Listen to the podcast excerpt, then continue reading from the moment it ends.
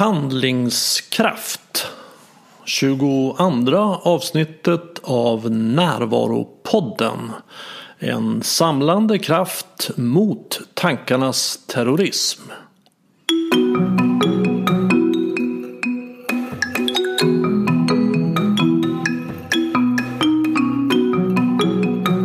Det här är Bengt Renander och först vill jag berätta att det finns några platser kvar på föreläsningen om att stoppa tankarnas terrorism som jag håller i Stockholm den 8 november. Det jag kommer att prata om då anknyter mycket till det som jag och Daniel pratar om i det här avsnittet. Hur kan man använda sina tankar istället för att bli använd av dem? Och jag kommer att berätta om hur jag hjälper mina klienter att bli mer medvetna och närvarande genom att vakna upp, städa upp och växa upp. Och jag vill också puffa för en workshop jag håller tillsammans med Astrid Brink den 13 november. Astrid var ju med i 17 avsnittet av Närvaropodden. Den här workshopen hålls på engelska och har rubriken Return to Love. Den kommer att beskriva hur du utvecklar ett mer kärleksfullt förhållande till dig själv och till andra. Alla föreläsningar hittills har varit fullbokade och det kommer förmodligen de här också bli. Så vill du ha en plats, anmäl dig nu via min hemsida renander.se nu under fliken föreläsningar. Nu till dagens möte. Daniel Ek är legitimerad psykolog och aktutbildare. ACT står för Acceptance och Commitment Therapy. Det är en terapiform som ligger väldigt nära det sätt som jag arbetar på. Och som syftar till att bli handlingskraftig i verkligheten istället för destruktiv i en mardröm. Daniel har också lång erfarenhet som mindfulness och yogainstruktör och arbetar som föreläsare och organisationskonsult med fokus på åtgärder mot stress. Han är en av tre författare till boken Tid att leva som är ett tydligt och handlingsinriktat tio veckors program för stresshantering med akt. Jag och Daniel pratar om vad akt är, om vad tankar är och om hur tankarna kan hindra oss från att nå våra mål. Vi pratar om att det man gör motstånd emot stärks. Om att gå ur fantasivärlden och in i verkligheten. Om kroppen som närvaroankare om tankevärlden som en biofilm, om hur tankar terroriserar, om positiv och negativ motivation, om hur språket skapar lidande och om hur acceptans är bättre än positivt tänkande. Vi pratar om att vakna upp, städa upp och växa upp och om våra lätthackade hjärnor. Om vad stress är, om tankar som hypotes om verkligheten och om motståndet att känna det man känner som roten till psykisk ohälsa. Och om hur man blir handlingskraftig i verkligheten så att jag gör som jag själv vill. Här är Daniel Ek.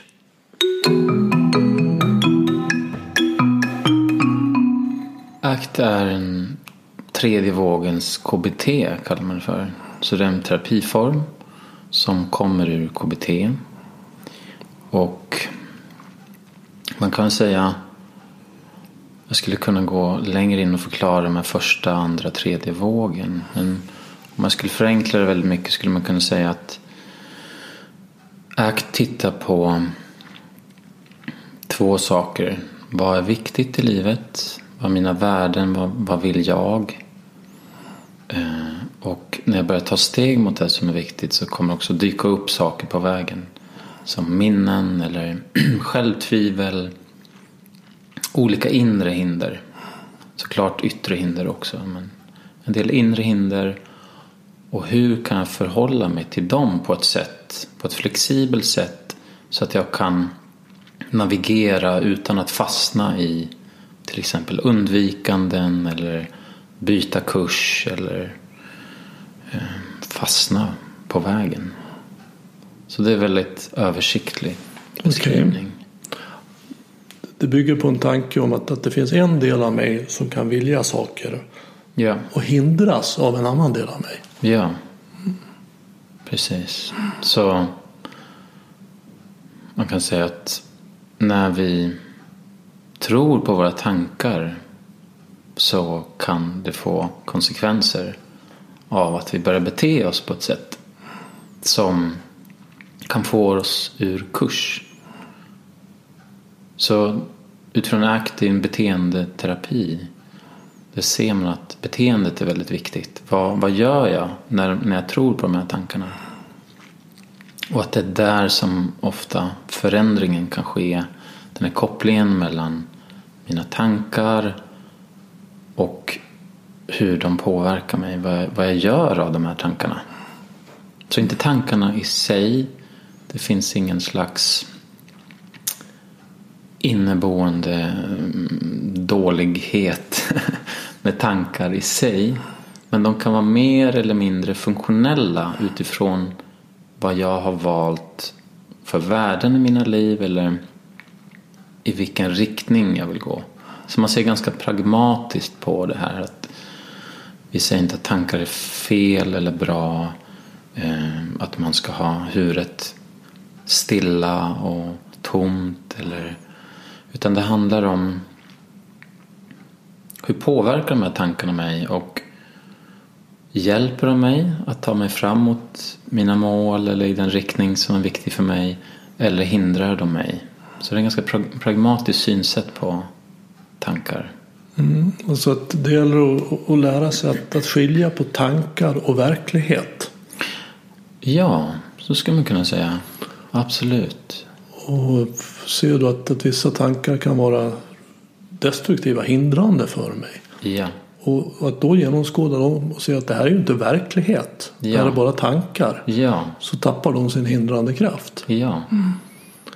Jag blir ju så lycklig när jag läser om akt. ja. En av mina söner skickade en artikel till mig om det var förra året. Och han skrev så här att Pappa, nu har vetenskapen hunnit ikapp dig.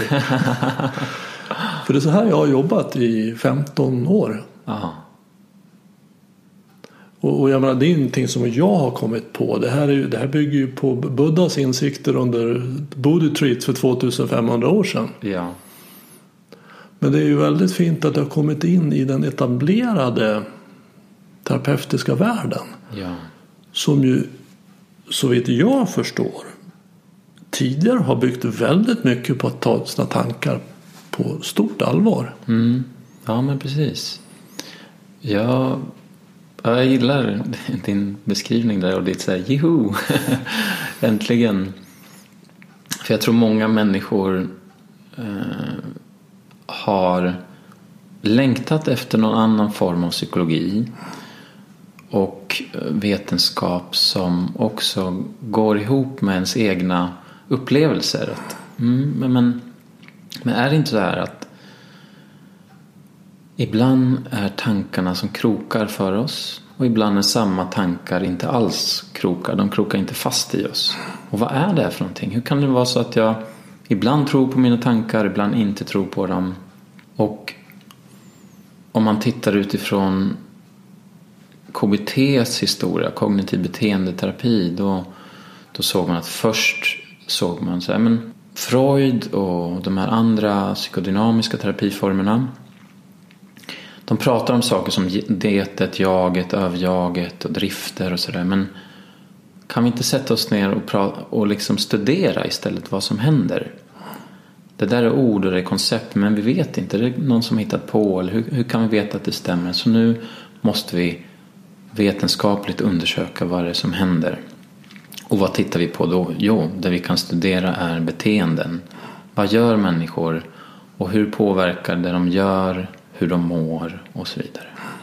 Så det var första vågens KBT. Och, och när i tiden är vi då ungefär? Jag är osäker. Jag, jag tror någonstans runt 50-talet att det började. 40-50-talet så börjar man titta på det här. Men... Det är kopplat till behaviorismen. Ja, precis. Behaviorismen, mm. exakt. Ja, men det, var, det, här var ett nytt synsätt. Alltså, nu ska vi sätta en vetenskaplig ram kring det här och bara studera. Observera det vi kan se. Och efter ett tag så börjar man också se att så, men, det är någonting i den här svarta lådan. alltså, vi stoppar in någonting i kroppen eller hjärnan eller psyket. Sen kommer ut någonting annat. Och det verkar inte bara vara beteenden som påverkar oss. Utan det är också någonting som tolkas genom vår hjärna eller vår kropp eller vårt psyke. Och då börjar man se att så, men det, det här med tankar, hur jag tänker kring saker och ting påverkar mina beteenden och hur jag mår. Och upprinnelsen till det här var soldater som kom hem från Vietnamkriget. Och man började se att de har depressiva symptom och de verkar se verkligheten ur ett svart filter på något sätt. Då börjar man skapa kognitiv beteendeterapi. Förut var det beteendeterapi, det var första vågen. Andra vågen är kognitiv beteendeterapi. Att säga, okay, vi, kan, vi behöver också ta hänsyn till den här svarta lådan. Eh, kroppen, eh, hjärnan, psyket. Eh, det tolkas i oss information som vi tar från världen.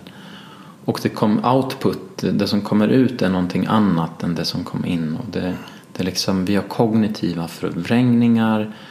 Vi ser inte på verkligheten på ett nyanserat sätt utan ibland är det ett svart filter som det filtreras genom eller andra slags kognitiva filter. Och då har man hittat en massa olika tankefel som vi gör. Som att vi överdriver eller underdriver. Vi tror på våra tankar. Vi tror att eh, om jag är på en fest och sen pratar med någon så kanske jag börjar grubbla efteråt. Så här, det där jag sa, det kanske inte var så smart. Och sen börjar jag leta efter information som börjar förstärka den här informationen. Så, ja, men den här personen den verkar lite ointresserad när jag kommer ihåg nu. Men titta på mitt minne här. Ja, sen så drog sig andra undan från mig och sen så börjar man skapa en historia. Och det här kognitiva beteendeterapin kommer in där man försöker att visa på, men stämmer verkligen de här tankarna? Eller håller du på att förvränga dem nu? Kan du se på det här lite mer realistiskt? Eh, så att man balanserar upp tankarna. Och det tänker jag, det var kanske din, din eh, det du sa där med att inom psykologin har man tänkt att tankarna är jätteviktiga. Det är mm. jätteviktigt man tar det på stort allvar. Ja, man tar det på stort allvar. Och det skulle man kunna säga att det är den kognitiva beteendeterapin som har stått mycket för den. Att tankar är jätteviktiga och det är viktigt att vi ser på livet och på mig själv och på situationer på ett balanserat sätt. Att vi inte fastnar i de här kognitiva förvrängningarna utan jag behöver ifrågasätta mitt tänkande om det stämmer eller inte. Och så är det viktigt att jag, jag hittar en mer realistisk bild av verkligheten. Och när jag gjort det då kan jag gå vidare. Och då kan ångest eller depression eller inre hinder eh, balanseras eller liksom vi kan komma igenom dem genom att förändra tankarna.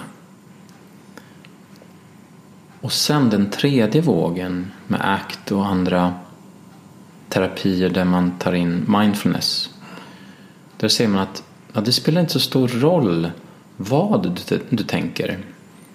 Det viktiga är hur du förhåller dig till tankar överhuvudtaget.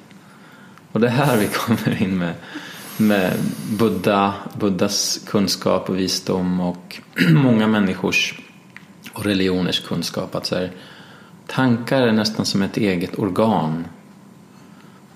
Och det är någonting som vi kan förhålla oss till och det är inte så viktigt att tankarna är positiva eller balanserade Utan hjärnan kommer servera oss med olika tankar. I vissa sammanhang så kommer det negativa, jobbiga tankar.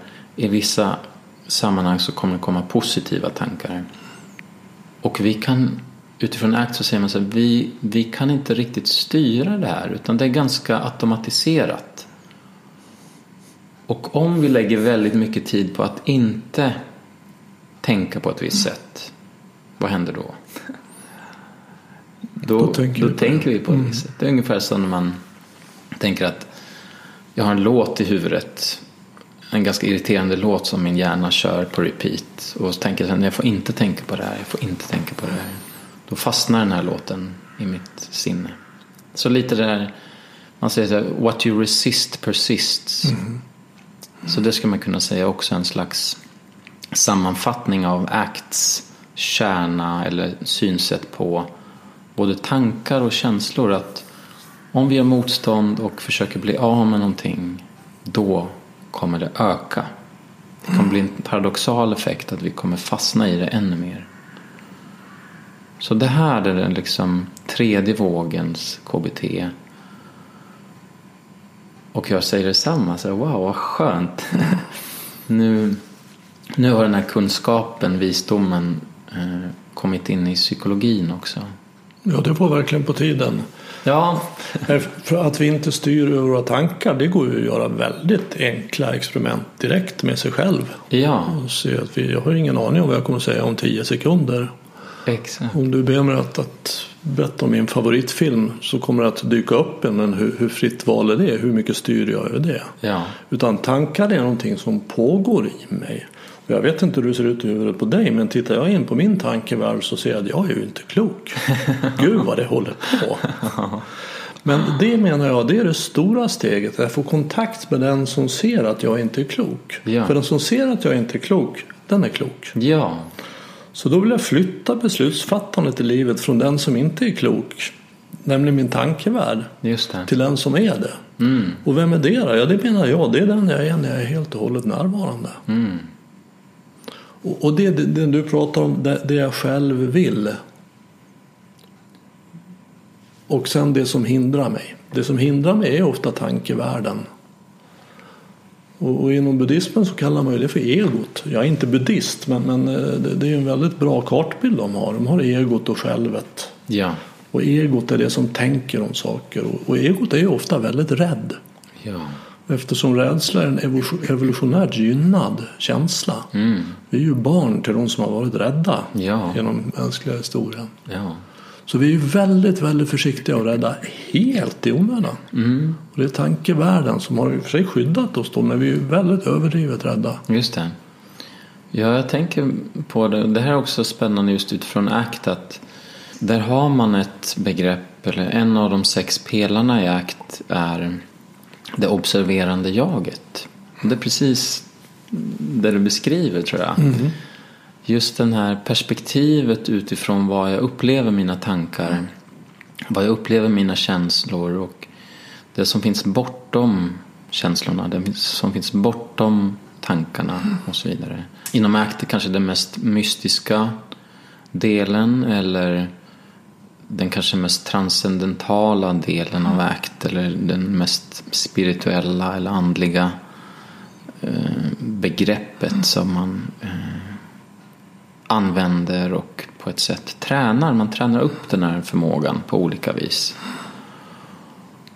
Och jag håller med om att det är som att utifrån den platsen så kan vi ta visare och klokare beslut som inte är så aktiverat av rädslohjärnan som du beskriver här att vi är rädda hela tiden och, och hjärnan har den uppgiften på något sätt att skydda sig och att lära oss dels att förhålla oss till den delen i hjärnan eller i oss själva och också att öva på att kliva ur den delen och landa i någonting större eller någonting bortom.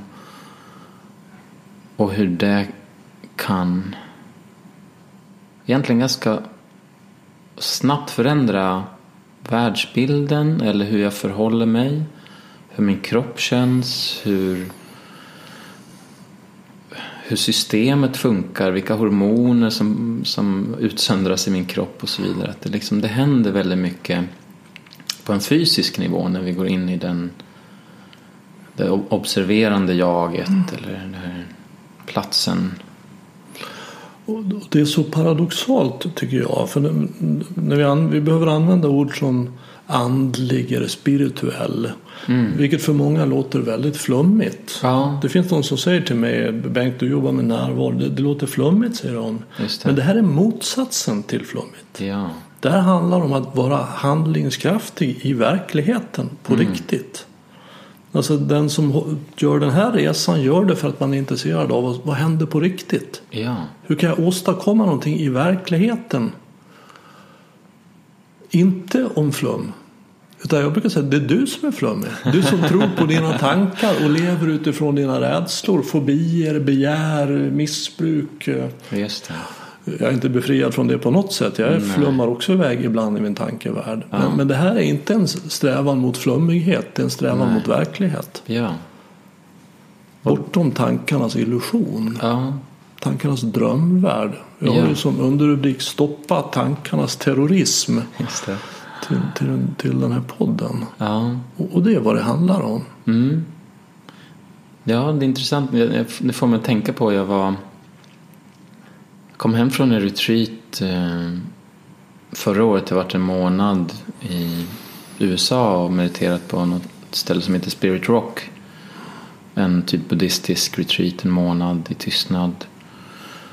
Och när jag kom tillbaka därifrån så hade jag väldigt stark kontakt med just den observerande delen av mig själv. Och upplevde att kanske 99 procent av mina problem inte fanns där längre. För jag kunde se att ja, det här är en story, en historia som min, min tankevärld skapar. Att det borde vara på ett annat sätt eller det är inte bra eller förutser saker i framtiden. Mm. Eller, jag kunde ha distans till det här. En ganska rejäl distans. Eh, mer än vad jag brukar kunna ha.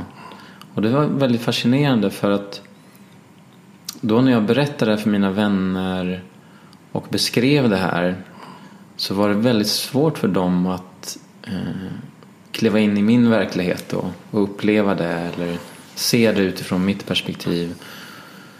Och i mitt perspektiv så kände jag att så här, men det, här är, det här är vilosamt, det är klart och tydligt, precis som du säger. Jag lever inte i en fantasivärld utan nu är jag här. Och det är så otroligt simpelt. Mm. Och det var väldigt provocerande för andra omkring mig. Och det gjorde också att jag började tvivla på om överdriver jag det här nu eller hmm, alla andra verkar inte vara i den här som jag upplever.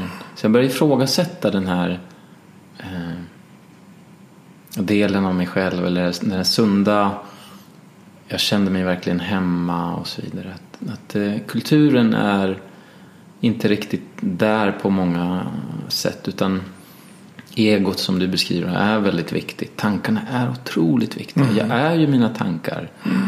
Jag tänker, därför är jag. Absolut, och jag är det jag tänker. Och då är det ju fullt möjligt att ha ett väldigt, väldigt stort problem med någonting som inte kommer att hända i framtiden. Ja.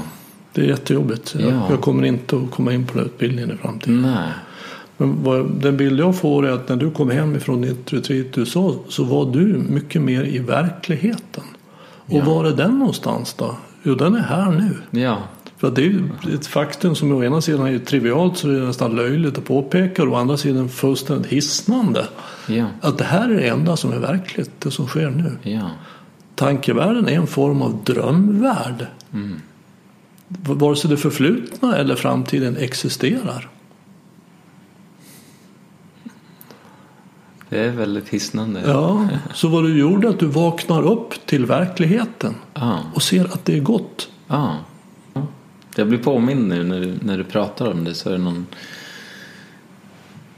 jag blir mer närvarande mm. när, du, när du beskriver det. Mm.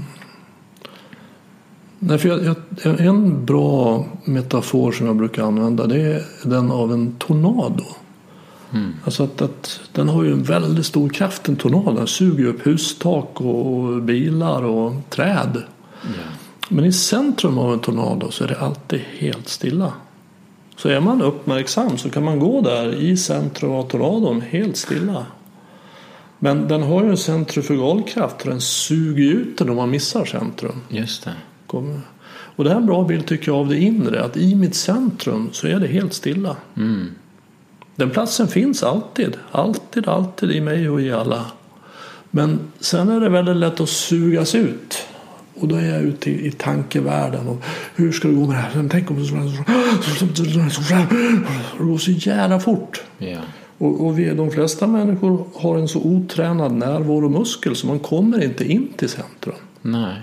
Det kan till och med vara så att man vet ett, ett steg i utvecklingen. Jag vet att jag är här ute. Jag vet att det finns ett centrum. Jag är inte där.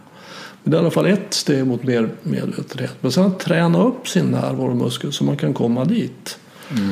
Och det är ju min värld meditation. Det är ju kanske främsta närvaromuskelträningen som man kan utföra. Mm. Ja, jag håll- håller med. Jag, kroppen tycker jag är otroligt hjälpsam. Den är ju alltid närvarande. Ja, Det är ju ett ankare. ja.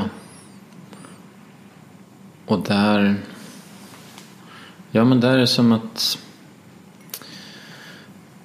Också det här med... Jag tänker på kultur.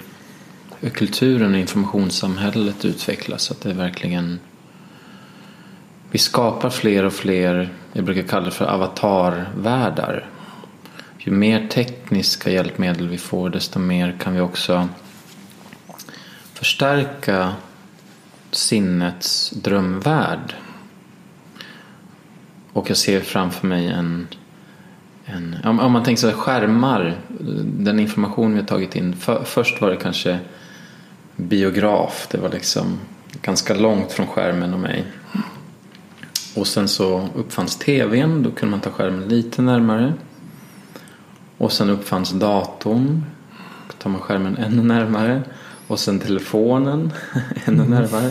Och nu har vi det här glasögon och den här VR-världen som kommer så, så snart är en hjälm.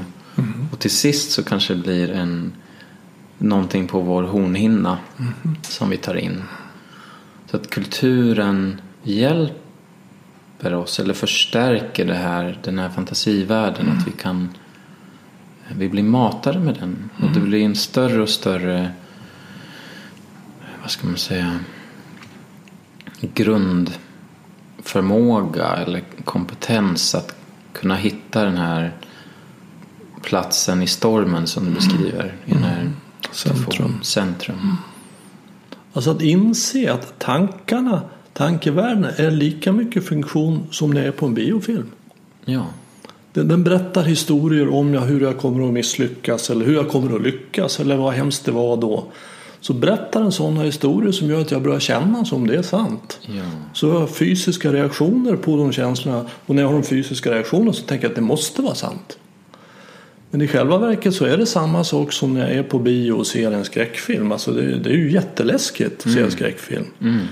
Men bara jag kommer ihåg att det här är faktiskt flimmer på en duk. ja, Det här är inte verkligt. Utan här sitter jag med min kompis. Vi har liksom popcorn och godis och läsk. Det är inget farligt här överhuvudtaget i verkligheten. nej, Då behöver inte filmen sluta. just det. Det räcker inte med att jag kommer ihåg att det är en film. Mm. Och det, det är det att vi, vi, tankarna behöver inte sluta. Nej, Utan det räcker att jag kommer ihåg att det här är en tankevärld.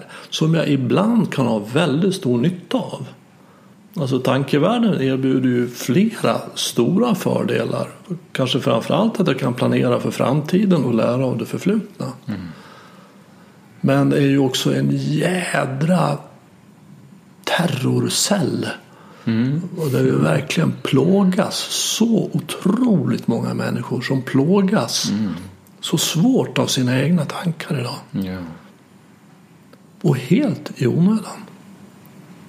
tänker på får mig att tänka på den, den, den psykiska ohälsan. Att vi har, vi ser ju, vi har ju i Sverige har vi väldigt god jämförelse med många andra länder. Till exempel i Europa så har vi god sjukvård, vi har eh, föräldrapenning och omsorg, barnomsorg och skola och så vidare. Det funkar väldigt bra. Vi har det väldigt gott ställt. Samtidigt ser vi att svenska ungdomar mår sämre än väldigt många andra i andra länder. Så den psykiska ohälsan ökar ständigt, speciellt för unga vuxna. Men också vuxna ser man upp i 45-årsåldern att det finns en ganska rejäl ökning. Och att just det här med att, att navigera i den här världen som vi befinner oss i. Det ställer högre och högre krav på vår förmåga att komma till den här platsen som skriver i, i det här eh, stormen. Komma till verkligheten? Ja, komma till verkligheten. För att delvis så har vi inte så mycket reella hot längre. Som i andra kulturer och länder där man har mer fattigt ställt. Där tvingas man att slåss mot faktiska orättvisor och svårigheter att hitta mat för dagen och så vidare. De här spökena som man kan ha i huvudet, de, de är väldigt konkreta. De finns där ute, det finns ett reellt hot. För oss som har det ganska gott ställt, de här spökena eller de här monstren som vi slåss emot, det, det finns inte lika mycket i den yttre världen utan den finns i den inre världen. Ja, bara i den inre världen. Ja. Spöken och monster har jag inte sett till. Nej, precis. Mm. Du, du, du nämnde tidigare att, att, att det bevittnande mm, förmågan, du sa inte självet, jag kallar det för självet, det där vittnet, Ja. är en av sex pelare i, i akt. Mm. Vad är de övriga fem? Eh, En av pelarna är att kunna vara här och nu. Så helt enkelt medveten närvaro. Att öva upp den förmågan att vara här och nu. En annan förmåga är acceptans. Ja, Och acceptans och medveten närvaro de är ganska svåra att skilja så de överlappar ganska mycket. Att Det är svårt att vara här och nu utan acceptans på ett sätt för då går man i kamp i det som är här och nu. Så, Men medveten närvaro, acceptans och sen har vi något som kallas för, kallas för diffusion. Och det handlar om egentligen att om man tänker fusion eller fusion det är att sammansmälta. Och det är någonting som vi gör ständigt. Vi sammansmälter med våra tankar, vi tror på våra tankar, vi blir våra tankar. Vi identifierar oss med dem. Ja. Och diffusion eller defusion då, skulle man kunna säga. Det är att man lösgör sig från tankarna och ser att det finns tankar, de pågår här och jag finns också här. Så diffusion är en pelare.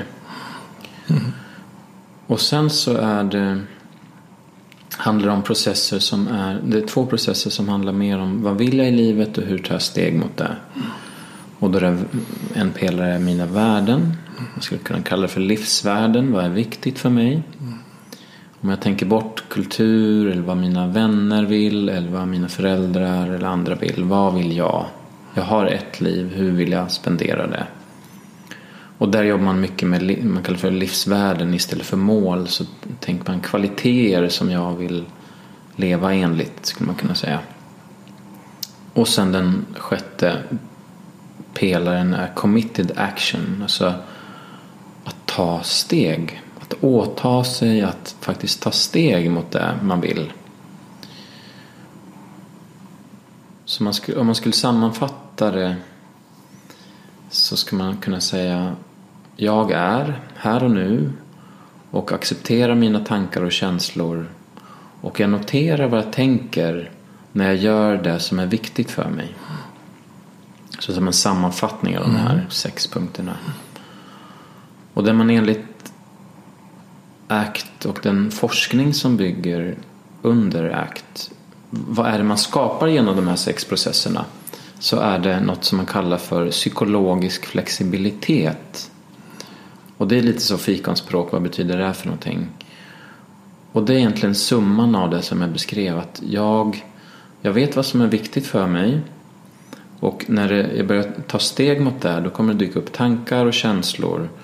Och min uppgift är att vara här nu, acceptera och notera det jag känner och tänker. Inte tro på mina tankar men kunna notera dem.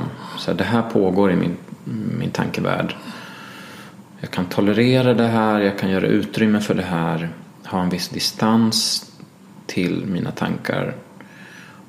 Och jag kan uppleva mina känslor och göra utrymme för dem. Och vara här och nu och gå mot det som är viktigt. Det är psykologisk flexibilitet. Mm. Och ett annat sätt att uttrycka det föreställer mig att, att man får ett val. Mm. Alltså att jag, jag kan välja. Ja. Jag kan göra så eller jag kan göra så. Precis. Vad vill jag själv? Ja. För att den omedvetne upplever sig inte ha ett val. Nej. Jag, jag, kan inte välja. Jag kan inte göra det här. Jag kan inte bjuda upp den där tjejen eller åka det tåget eller flyget. Eller... Jag har inget val. Nej. Så det är en mognadsprocess. För en mognad, tecken på en mognad är att jag får ett val. Mm. Jag kan göra sådär och jag kan göra sådär. Och gör jag sådär så, så kommer de här tankarna att dyka upp. Jag kommer kanske också känna mig rädd. Men jag gör det ändå. Mm. För jag låter inte det vara den bestämmande faktorn. Ja.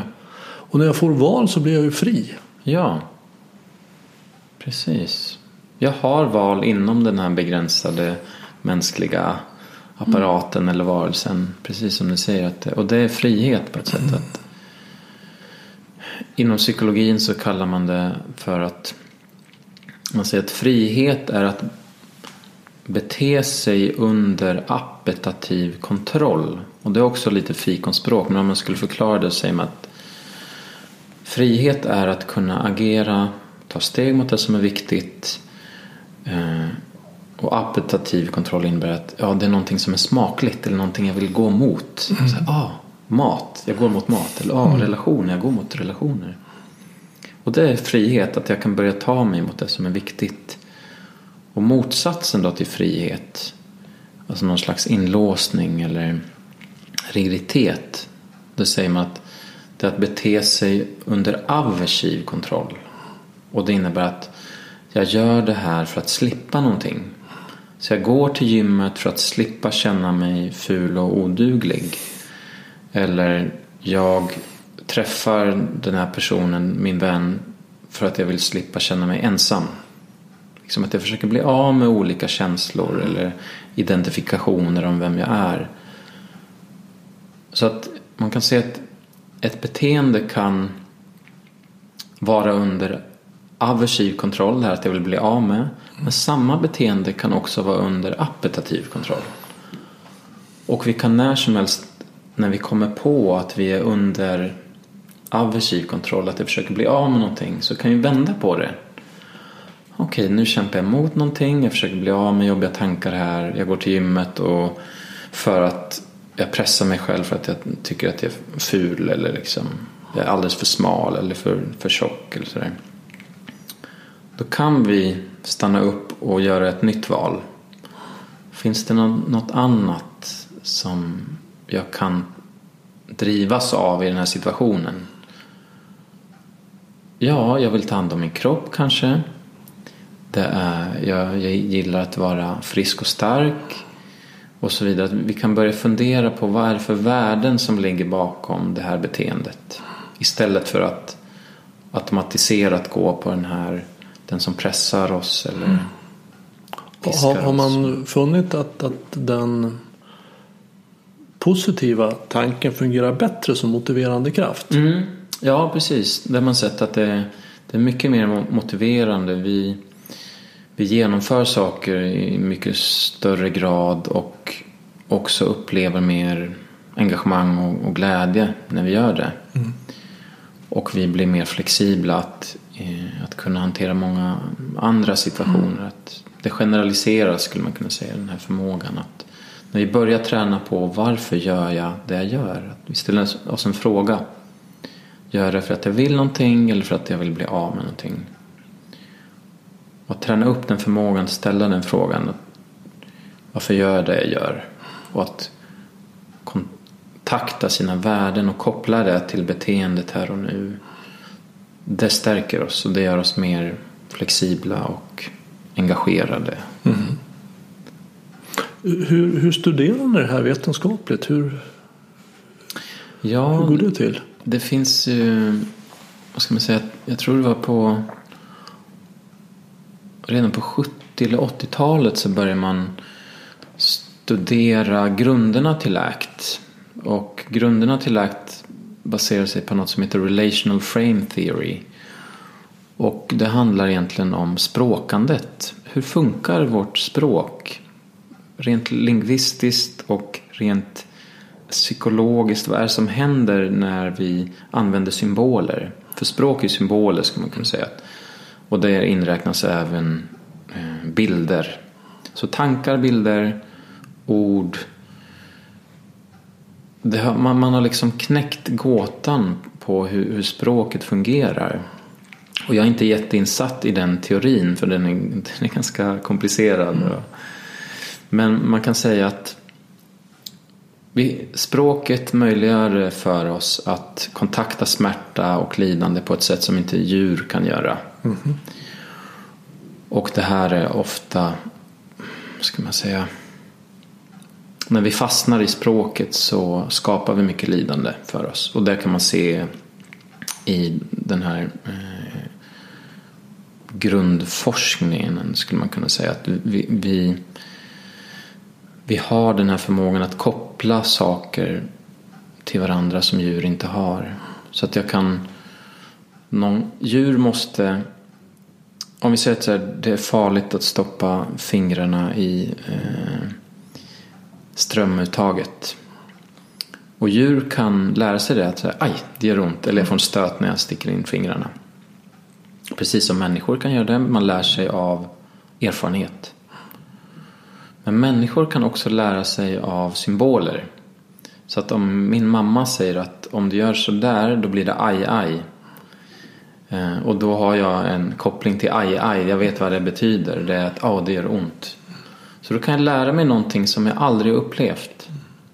Och på samma sätt så kan språket hitta på saker. Begrepp kan relatera till varandra som jag aldrig upplevt. Men mm. det påminner om någonting. Så aj aj, det, det kan göra ont om jag gör si eller så. Så då börjar jag undvika de här sakerna för att jag tror att det kommer göra ont. Så att vi kan leva i den här fantasivärlden samtidigt som vi lever i den faktiska världen. Och din fråga var hur studerar man det här? Det finns det är jättemycket experiment man gör. Man tittar på det kan vara det finns en uppsjö av sätt man kan studera de här fenomenen. Men ett som kommer till mitt huvud nu är till exempel att ett väldigt enkelt experiment där man lägger handen på en varm platta, en varm spisplatta. Ena gruppen får göra det. Eh, eller man, man har en grupp som man delar upp i två grupper. Mm. Man slumpar dem till två olika grupper. Båda grupperna får lägga handen på en varm spisplatta. Och den ena gruppen får instruktionen att tänk positivt, eh, tänk på någonting härligt. Och den andra gruppen får instruktionen att ja, se om du kan närma dig det här och eh, öppna upp för de här känslorna, förnimmelserna som dyker upp i din hand. Försök inte distrahera dig utan se om du kan tillåta det här och så vidare. Och då ser man att de som har fått instruktionen att tänk bort det här, eh, tänk positivt de upplever mer smärta och de drar bort handen snabbare än den andra gruppen. Så då kan man börja fundera så här, okej, okay, det är någonting här som skiljer acceptans mm -hmm. gentemot distraktion eller tänka bort eller trycka undan. Mm. Så det kan ganska snabbt göra en förståelse av hur vi människor funkar. Mm. Så det är många sådana typer av ganska grundläggande experiment som man gör för att bygga den här teorin om hur vi funkar. Mm, för, för det är både människor och djur, precis som du säger, kan ju absolut lära sig att, att, att undvika ett strömförande stängsel till exempel. Men endast människan kan oroa sig över att tänk om jag kommer att gå och lägga handen på det strömförande stängslet. Exakt. Det är ju inte mer än i storleksordningen hundratusen år sedan som den här apan som vi är fick tillgång till språk. Ja. Och eh, det har ju varit evolutionärt väldigt gynnat. Mm. Men, men vi har ju inte, det är inte så att vi, hanterar våra tankar speciellt bra. Evolutionen är ju inte färdig, den blir ju aldrig det. Nej. Men vi är på en punkt nu där, där är, antingen så kommer vi att vakna upp och kunna använda våra tankar. Mm. Som ju handlar väldigt mycket om rädslor och begär i förhållande till framtiden och det förflutna. Eller så, så, så gör vi inte det utan våra rädslor och begär. Och våra begär är ju nästan till oändliga. Det är ju bara att se hur, hur vi hanterar vår jord. Ja. Och, och våra rädslor också. Hur vi bygger upp vapenarsenaler.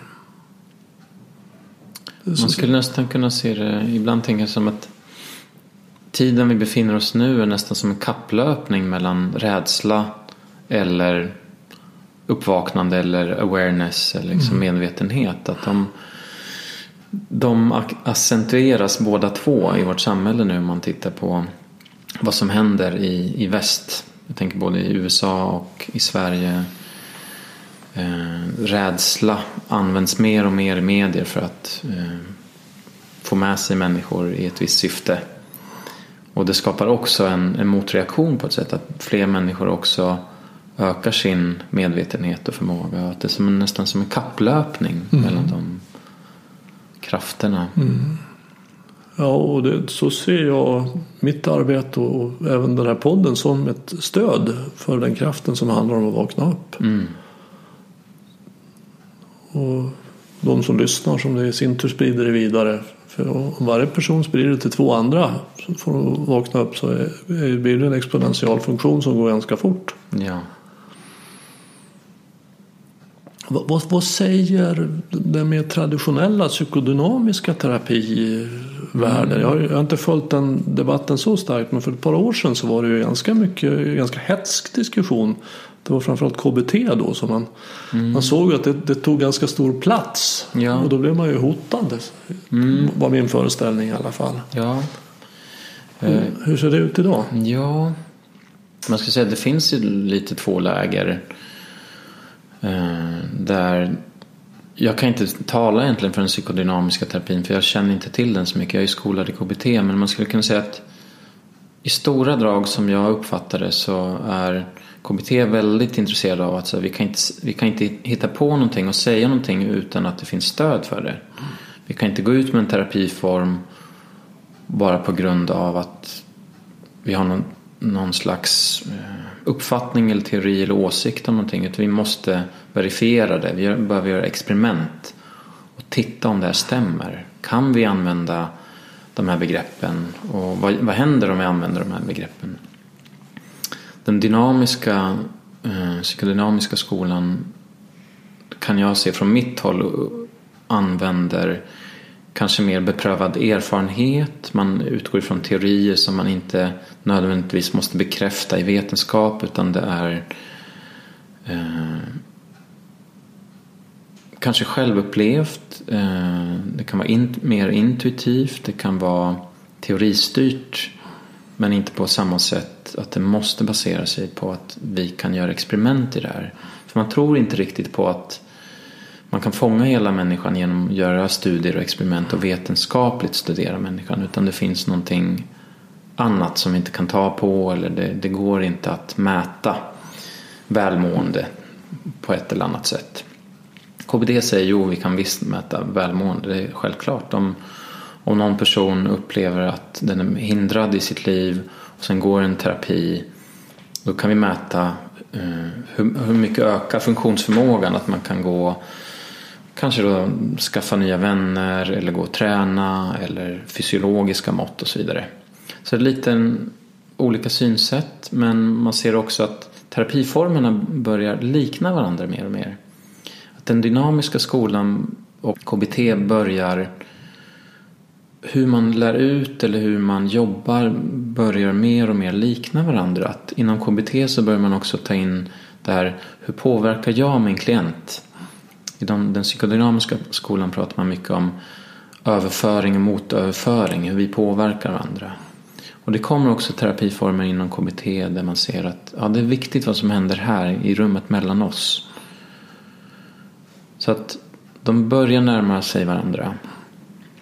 Eh, men jag tycker fortfarande mig se att det finns en ganska eh, liksom, i, i tankevärlden så finns det mycket motstånd från det ena och det andra. Alltså, men det här är rätt eller det här är rätt. Men rent i praktiken så verkar de kunna närma sig. Mm. Jag hörde på en, en författare som heter Ken Wilber. Han pratar om tre steg som jag har tillägnat mig också. Det första är att vakna upp och det är att få kontakt med det här vittnet. Mm. Det andra steget är att städa upp. Och då går man in i egot och personligheten och ser vad är det jag håller på med? Vad har jag mm. för missbrukarbeteende? Vad har jag för medberoende beteende? Vad har jag för rädslor? Vad har jag för begär? Och det tredje är att växa upp.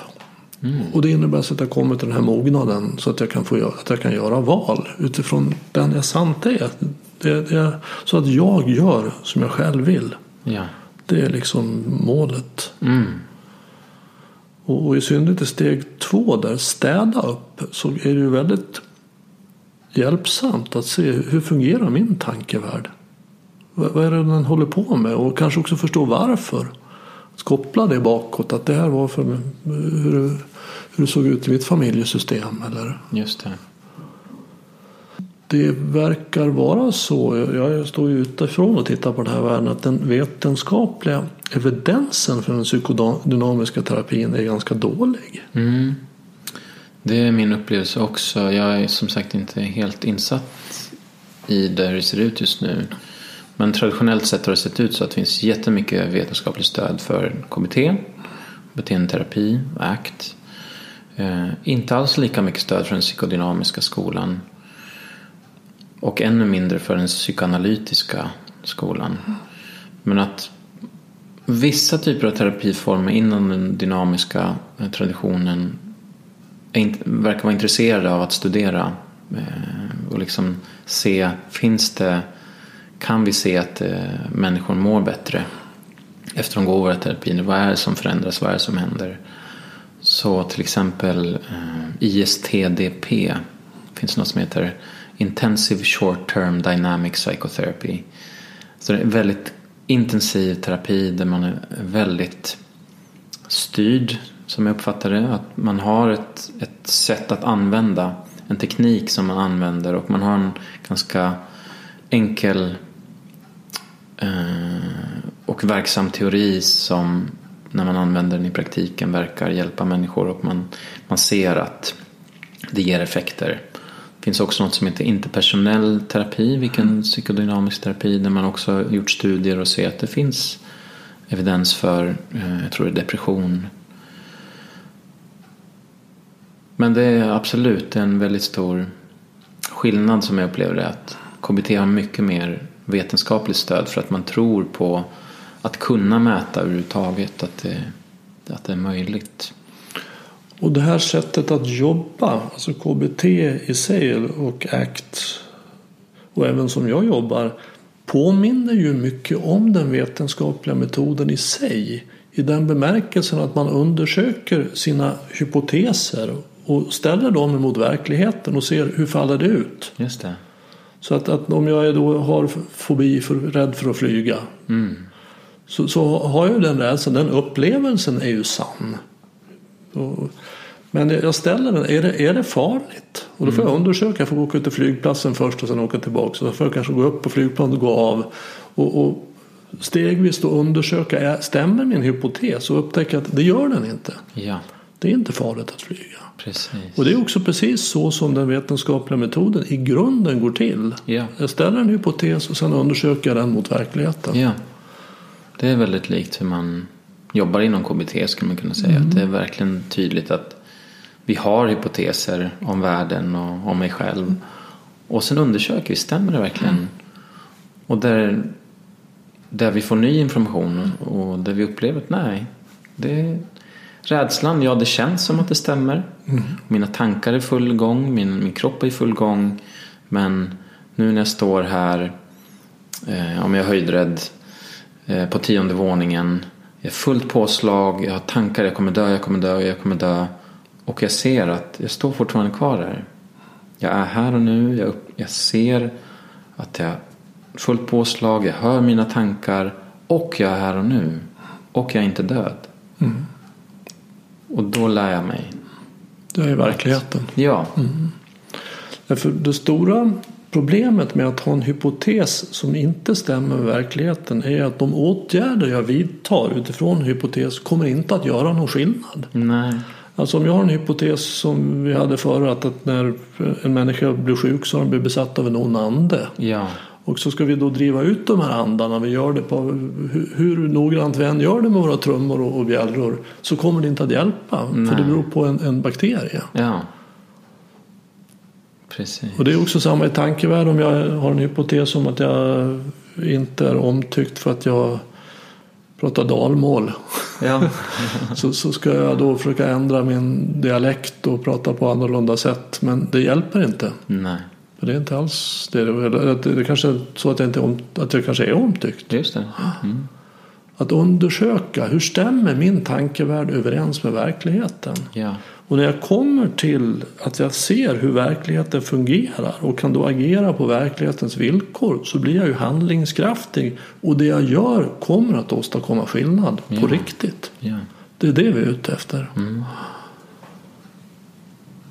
Det låter väldigt likt det Mm. vetenskapen utifrån KBT och ACT gör, skulle man kunna säga. Vad, vad- gör du? Hur ser Mm. din dag ut? Just nu har jag inga klienter faktiskt, utan jobbar bara med utbildning. Så jag utbildar i ACT. Håller föreläsningar mycket kring ACT och stress. Och jobbar också med organisationer, organisationsförändring och att kunna rusta företag också. Eh, organisationer att hantera stress och också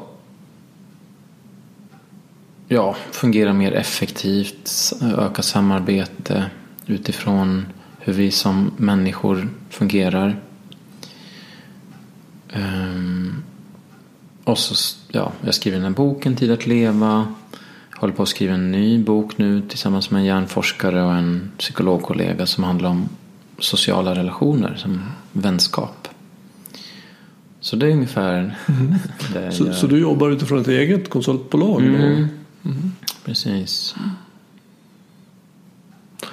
Ja, det här med stress är ju ett enormt problem. Jag, jag läste att vi har sjukskrivningskostnader för i storleksordningen 135 miljarder per år Mm. i stressrelaterade. Ja. Så den tidigare var muskuloskeletala åkommor, sjukdomar eller symptom den eh, vanligaste sjukskrivningsorsaken. Att jag har ont i ryggen eller jag har nackspärr eller liksom så. Och jag tror att 2007 så gick stress och depression förbi eh, muskuloskeletala sjukdomar som den främsta orsaken i Sverige för att man sjukskriver sig. Och man ser att 30, drygt 30 procent av människor som söker vård på vårdcentralen egentligen har psykiska problem. Och där är stress nummer ett. Och det här är liksom... Jag tror ingen är förvånad över det här. Eh, många som är anställda upplever att pressen ökar och eh, det är mycket mer att göra. Sen är världen väldigt förändlig ser man som att saker och ting sker inte linjärt på ett sätt som det gjort tidigare. Man kunde förutse vad som händer och hur utvecklingen ser ut men nu kan nu går den tekniska utvecklingen så fort så att vi vår hjärna hinner inte riktigt med skulle man kunna säga att helt plötsligt så om vi, om vi tar internet, när internet kom och den exponentiella utvecklingen av informationsutbyte och hur, hur vi samarbetar tillsammans, hur information sprids så är det mycket mer eh, exponentiellt, det är inte linjärt. Det, saker och ting kan hända väldigt fort. Om jag publicerar någonting på min Facebook-profil eller någonting så kan det spridas och få en jättestor spridning. Medan för 20 år sedan då pratade jag med mina vänner så fick det en liten spridning kanske. Så att informationsutbytet, hur det utvecklas, det, det är oförutsägbart för vår hjärna. Vi har väldigt svårt att förstå konsekvenser av beteenden som vi gör. Och också hur teknologin kopplar in sig på oss skulle man säga. Att vi är väldigt lätthackade, våra hjärnor är väldigt lätthackade. Att vi, ju mer informationssamhälle vi har och information som vi tar in, ju mer vi fokuserar på information desto mer lätt manipulerade blir vi också. Så att man ser att beroende på hur en hemsida ser ut så kan den få mig att med större sannolikhet göra ett val som den vill. Mm. Och det kan användas mot oss eller för oss kan man säga. Så man har en hemsida där man ska välja till exempel då eh, föräldrapenning, att vara föräldraledig. Mm. Så du har en stapel eller en, en, en, eh, en skala där det fördelas mellan mannen och kvinnan. Hur mycket ska mannen ha och hur mycket ska kvinnan ha? Som en slags bara eh, reglage som jag kan dra. Om, om den är förinställd på att kvinnan ska ha mer eh, tid hemma. Då kommer jag med större sannolikhet låta det vara. Medan om jag drar den där stapeln till mitten, det måste göra ett aktivt val. Mm. Då är sannolikheten att jag kommer öka min som man eh, pappaledighet. Mm. Den ökar. Så vi är otroligt lättpåverkade ska man säga i vårt samhälle. Och det här tror jag är en del av den här stressen som vi alla upplever. Förutom att det är mycket mer att göra helt enkelt. Mm. Tidsbrist. För om vi säger det att ett problem är att man tror på sina tankar. Man skiljer inte på tankar och verklighet och, och lever i tankevärlden. Mm. Så om tankevärlden då blir större och ännu mer välfylld så är det klart att den är ännu mer förfarisk. Ja. Och, och, och då inte hittar till vårt centrum som, som jag menar finns i alla människor. En plats som är stilla, mm. lugn. Men vi hittar inte dit. Nej. Hittar man inte dit får man aldrig vila. Nej. Och då går tornadon fortare och fortare och fortare. Ja. Så vad gör du? Du, du har jobbat som du jobbar ibland också med, med klienter? Ja, absolut. Mm, ja. Så om det kommer någon till dig och, och, är precis på väg att bli utbränd eller som har blivit eller är det en vanlig klient hos dig? Absolut, ja. det, det är vanligt. Hur jobbar du med, med en sån människa? Ja, jag skulle säga det första steget att bli medveten om att man är stressad. Vad är säga... stress? Ja, vad är stress? Det är också ett väldigt vitt begrepp och man försökt fånga det. Men mm. en förklaring som ofta är använd eh, och brukad är att jag som människa lever i en kontext eller miljö och när miljön ställer krav på mig som jag upplever att jag inte kan hantera då upplever jag stress. Stressreaktionen går igång. Och den fysisk respons som händer i kroppen och det får också psykiska konsekvenser om man säger. Så att man kan säga att hur mycket stress jag upplever beror på tre saker. Och det ena är den faktiska stressen, rent objektivt. Om man säger så att jag missar ett viktigt möte. Det är liksom, ja det är en viss stress. Men i jämförelse med att mamma åker akut in till sjukhuset så är det mycket lägre stress. Alltså att mamma åker in till sjukhuset det är mycket större stress än att missa ett möte. Så den objektiva stressen den är faktiskt annorlunda. Sen beror det på hur vi tolkar stressen. Är det här det värsta som har hänt? Det här får absolut inte hända.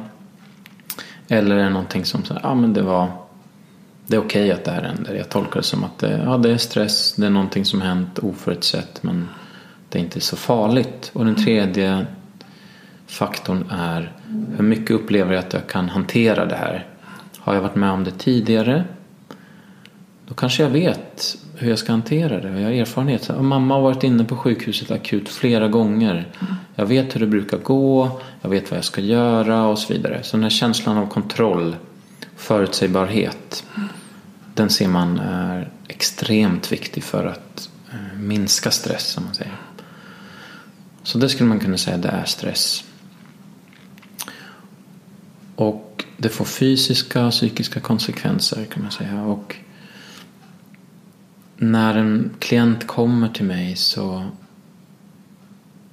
är det inte alltid det uppenbart att den är stressad. Den kanske söker för sömnproblem, eh, nackspärr, nackverk, ryggverk, eh, man känner sig ledsen, deprimerad.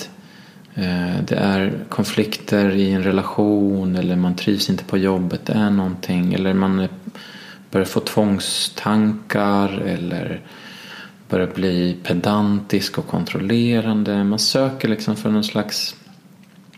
Det kan vara olika saker. Man kan säga att man har en akilleshäl. Mm. Så att någon som är stressad kanske sover dåligt. Någon annan blir arg, irriterad. Eller det kan vara olika uttryck. Mm. Eller olika typer av missbruk. Ja, alltså, missbruk. Socker, mat, ja. alkohol, nikotin, ja. spel, sociala medier. Exakt socker. Det finns ju ett femtontal sätt ja. populära att ja. slippa känna det man känner. Ja. Så första steget är att bli medveten. Hjälpa klienten att bli medveten om att hmm, du kanske har lite för mycket att göra. Se det här att det är ganska mycket både på jobbet och du tar väldigt mycket ansvar för eh, din syster som nu är i en eh, depression eller för din bror som är mår dåligt. Mm. Eller liksom att man börjar pussla och man tar in hela kartan. Hur är det med din hälsa, fysisk hälsa? Hur är det med ekonomi? Mm. Hur är det med relationer? Hur är det på jobbet? Mm. Så. Mm, det är det steget jag skulle kalla då vakna upp. Ja. ja. Se vad det är som händer. Ja. Det, det är stress det beror på. Ja. Det är det det är. Ja, vad gör du sen? Ja, sen så kan man ju säga att beroende på vart klienten är någonstans så ibland så är, ibland är första steget helt enkelt att man blir sjukskriven två veckor. Alltså, du har alldeles för mycket att göra. Och det är svårt att, ska man säga, få tillgång till sitt inre, eh, till sin visa eh, person eller delperson eller vad man ska säga när man är stressad. Så att första åtgärden är ofta att vi bör minska stressen lite grann. För att du och jag ska kunna ha ett samtal och du mm. överhuvudtaget ska kunna ta in vad jag säger eller ta in vad du själv tänker och känner. Så att ett steg kan vara att åka bort eller ta, helt enkelt bli sjukskriven. Mm. Det kan vara en av de mest hjälpsamma åtgärderna innan själva samtalen börjar eller terapin börjar. Och när man är där, när man har fått återhämtning då börjar man kunna se att ja, men ögonen ser lite mer närvarande ut. Man kan vara lite mer i kroppen. Man kan vara lite mer här nu och lyssna och ta in och eh, börja känna. Känna saker. Och sen så utforskar vi helt enkelt vad utifrån den här personens eh, viljor, önskningar. Kanske börja med vad, vad är viktigt i livet helt enkelt mm. utifrån aktmodellen skulle man kunna mm. säga. Så vad, hur har du levt ditt liv tidigare? Vad har varit viktigt när du var yngre? Om du frågar dina vänner vad ser de för saker som är viktiga för dig? För ibland så tappar man bort det själv. man börjar utforska det här fältet av vad ger mening? Vad ger vitalitet? Vad ger energi? Och så kan man göra olika övningar för att komma djupare i den här liksom egna längtan eller hitta det som verkligen jag vill fylla livet med. Vi har ett begränsat liv. Hur vill du att det ska se ut? När du är 90 år och tittar tillbaka på ditt liv, vad, vad kommer du vara stolt över? Vad vill du ha fyllt livet med? Mm. Mm. Sen gissar jag att, att iaktta de rädslor som dyker upp när man tänker den tanken. Ja, det kommer ju väcka såklart. Det kan väcka både inspiration och mm. energi. Att mm. ja, men just det, det var ju det här som var så viktigt för mig. Okej, okay. hur lever jag livet just nu? Mm. Lever jag i linje med de här önskningarna som jag har?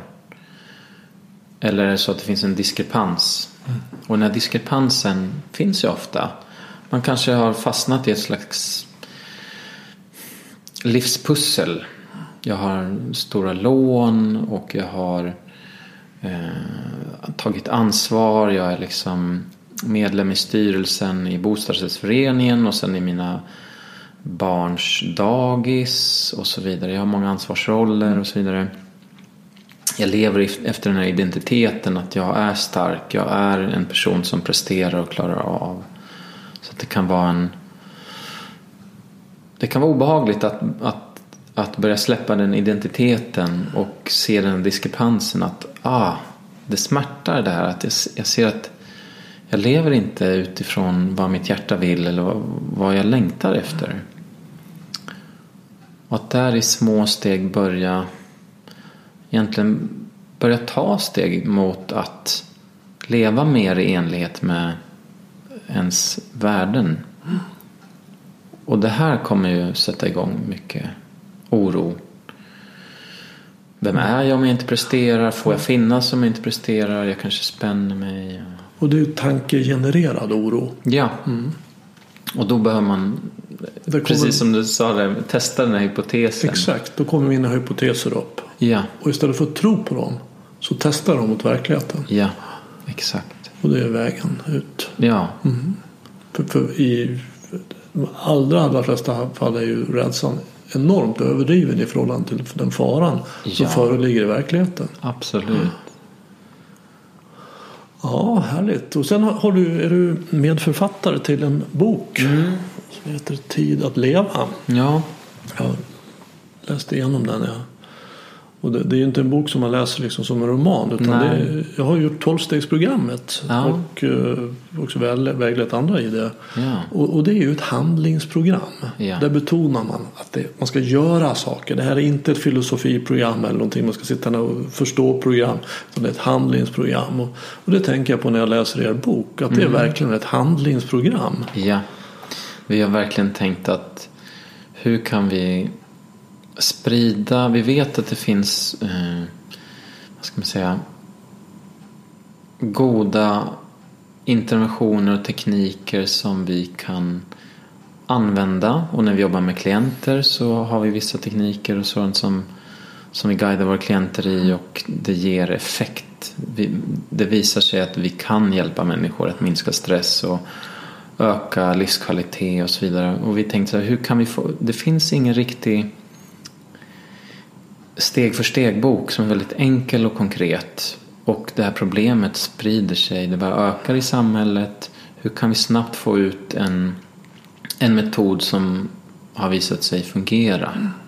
Så att man inte behöver söka sig till en psykolog eller samtalskontakt på något mm. sätt. För det finns studier, kommer fler och fler hela tiden som visar att internetbaserad terapi till exempel mm är lika effektiv eller ibland effektivare än en klientkontakt. Mm.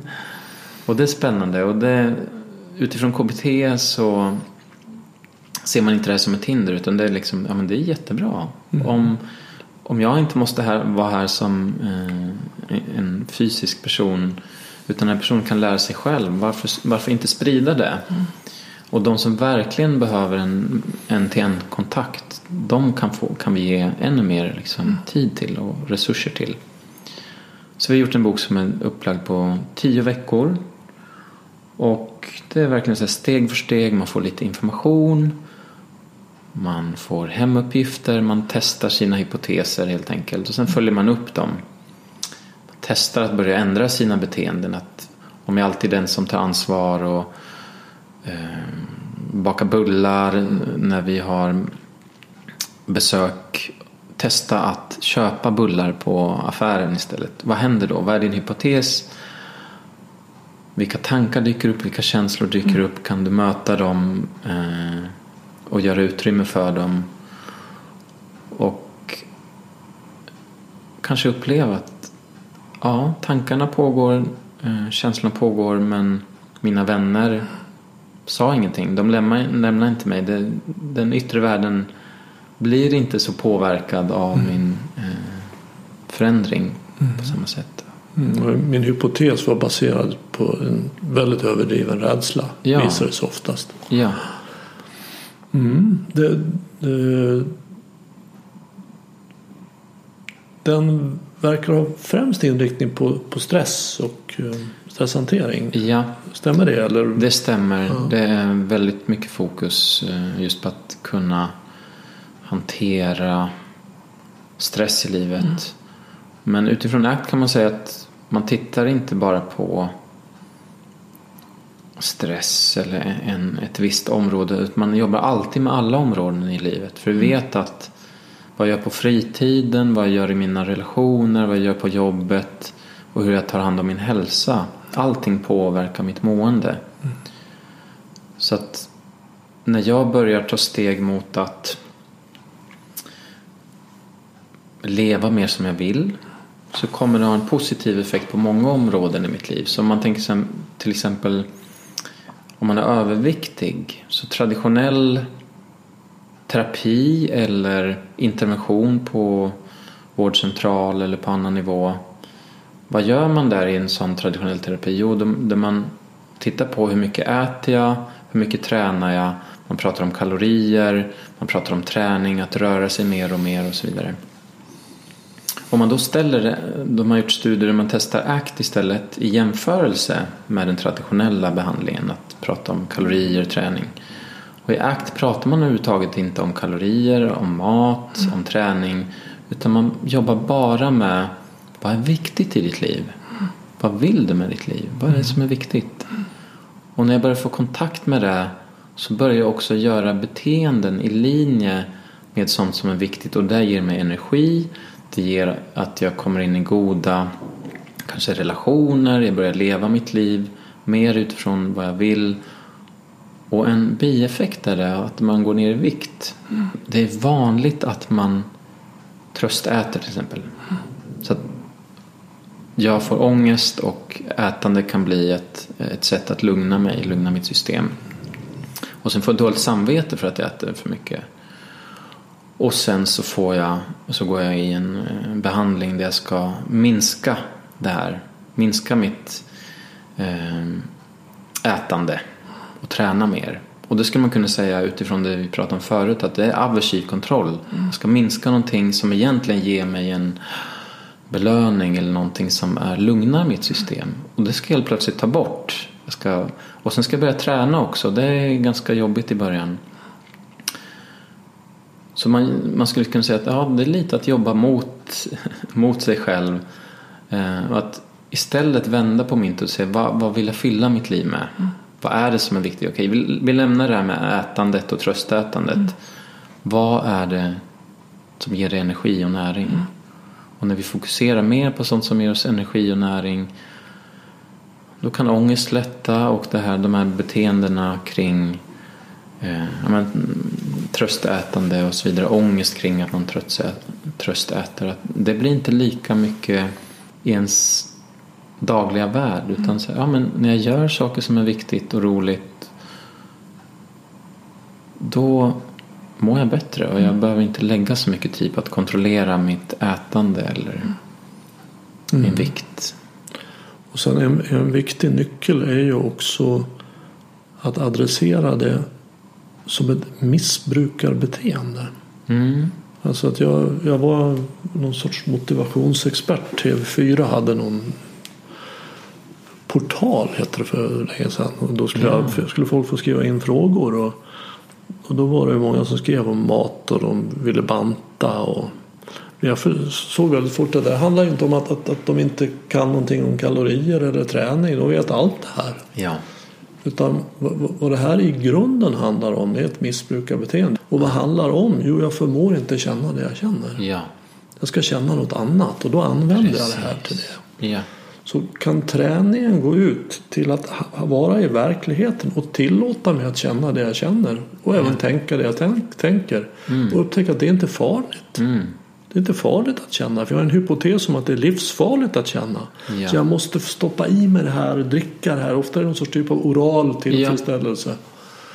Så att ju mer jag kan då träna upp mig och leva i verkligheten här nu på riktigt så upptäcker jag att jag behöver inte det här. Precis. Du kan ställa ägna mot den här frågan som du väcker. Att, att, vad, vad vill jag egentligen? Vad vill Mm. jag själv? Ja. Vad har jag lust till? Vad ska jag göra av mitt korta och enda jordeliv? Ja.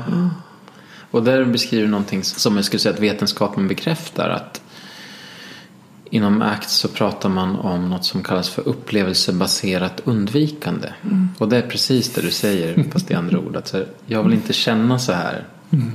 Jag kan inte stå ut med mina känslor. Eller det är farligt att känna på mina känslor. Och det ser man i väldigt många, när man gör sådana här metastudier. Man gör studier på studier. Eh, eller review-artiklar där man sammanställer liksom forskningsläget. Där ser man att just det du beskriver att jag vill inte känna så här eller det är farligt att känna. Den, det, vad ska man säga, det motståndet det är kopplat till nästan all psykisk ohälsa. Mm. Det, är, det är väldigt enkelt. Mm. Det är i stort mm. sett, om man hårdrar det, det är den rörelsen, det här motståndet. Jag tryck, försöker trycka bort. Jag kan inte stå ut med, mm. känslor. Det ser man här. Ja, det är där all psykisk ohälsa börjar. Vare sig det är rökning, övervikt, eh, föräldraskap, eh, stress, eh, depression, relationer, ångest. Mm. Om man förenklar det så, så handlar det om, mycket om det. Och det blir på något vis, jag vet inte, hjärtegripande eller tragiskt för att det är ju inte farligt att känna. Nej. Men det vi gör för att undvika att känna kan många gånger vara oerhört farligt. Ja. Och som du sa inledningsvis också att, att om vi gör, ju mer motstånd vi gör mot det ju, ju mer stannar det. What you resist persist. Ja. Ju mer förstärker vi det. Ah.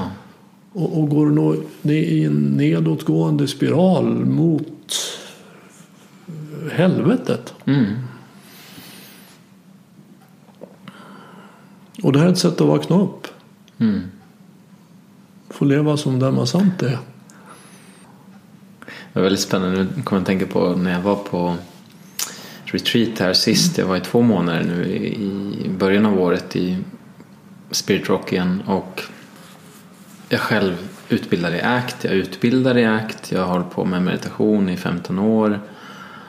Och när jag är på retreat efter två veckor lägger jag märke till att hmm, det är någonting jag undviker. Jag känner mig stressad. Det känns som att jag gör motstånd. Och jag hör de här lärarna hela tiden säga så här. Var med det som är. Stanna upp i det som är. Försök inte komma någon annanstans. Var med det som är.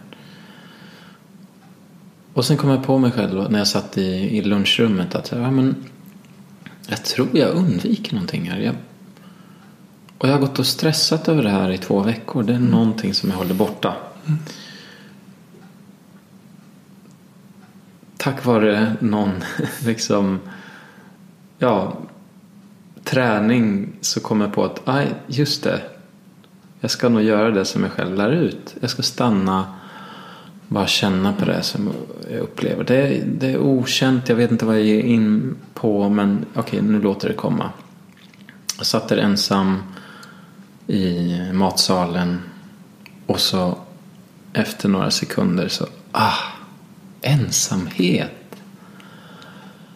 Okej, okay, jag har undvikit ens den här känslan av ensamhet har jag undvikit två veckor och det har gjort mig stressad. Okej, okay, ska jag känna på hur den känns nu? Och det som händer är att oh, jag börjar känna fysiska förnimmelser i kroppen. Det blir lite varmt och det förflyttar sig. Mm, lite spänningar och sen förflyttar de sig också. Och helt plötsligt så känner jag, ja ah, men nu är jag här. Nu är jag närvarande. Mm. Och den här lilla, lilla känslan av ensamheten har jag undvikit i två veckor. Mm. Och den har stressat mig ända in i sömnen på något mm. sätt. Mm. Och när jag vänder blicken och bara tittar lite på det så hmm, då, då är det här tankespöket eller den här liksom pop. Mm. Det är lite som att den var verkligen överdriven på något sätt i mitt sinne. Och i, speciellt i motståndet i kroppen. Mm. Mm, jag känner igen det väl. Vissa känslor är ju svårare, jobbigare än andra. Och ensamhet är en av de jobbigare. Rastlöshet är en av de jobbigare. Och det kanske allra värsta, att ha tråkigt. Ah. Att sitta med att ha tråkigt och känna det. Och, och märka hur tankarna hela tiden vill dra iväg en på fantasier, sitta kvar med det. Det är väldigt svårt. Jag har ju också jobbat med det här 20 år och mediterat och hållit på och läst. Och, men jag, jag, jag är ju där i dramat, jag tappar bort mig själv. Men, men, jag, men jag brukar göra som jag tror du gjorde. Att, att jag tänker att om en klient kom till mig och, och sa det här, vad skulle jag göra då? Och i det ögonblicket så har jag ju kontakt med vittnet. Mm. Och då är det över. Just det. Då är du redan i kontakt med Ja, det. som- och då, är jag- för då vet jag att det är tankar. Mm. Då vet jag att det här är bara flimmer på en duk. Mm. Det, det är inte verklighet. Det, här, nej, för det är en film. Ja. Det är inte verklighet. Och då är det över. ja.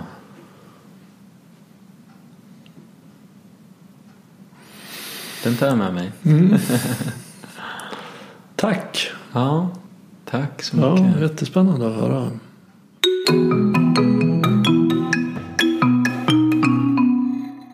Om du vill komma i kontakt med Daniel så finns en länk till hans hemsida på min hemsida renander.nu. Där finns också en länk till Livskompass för dig som är intresserad av att utbilda dig till gruppledare i aktbaserad stressintervention.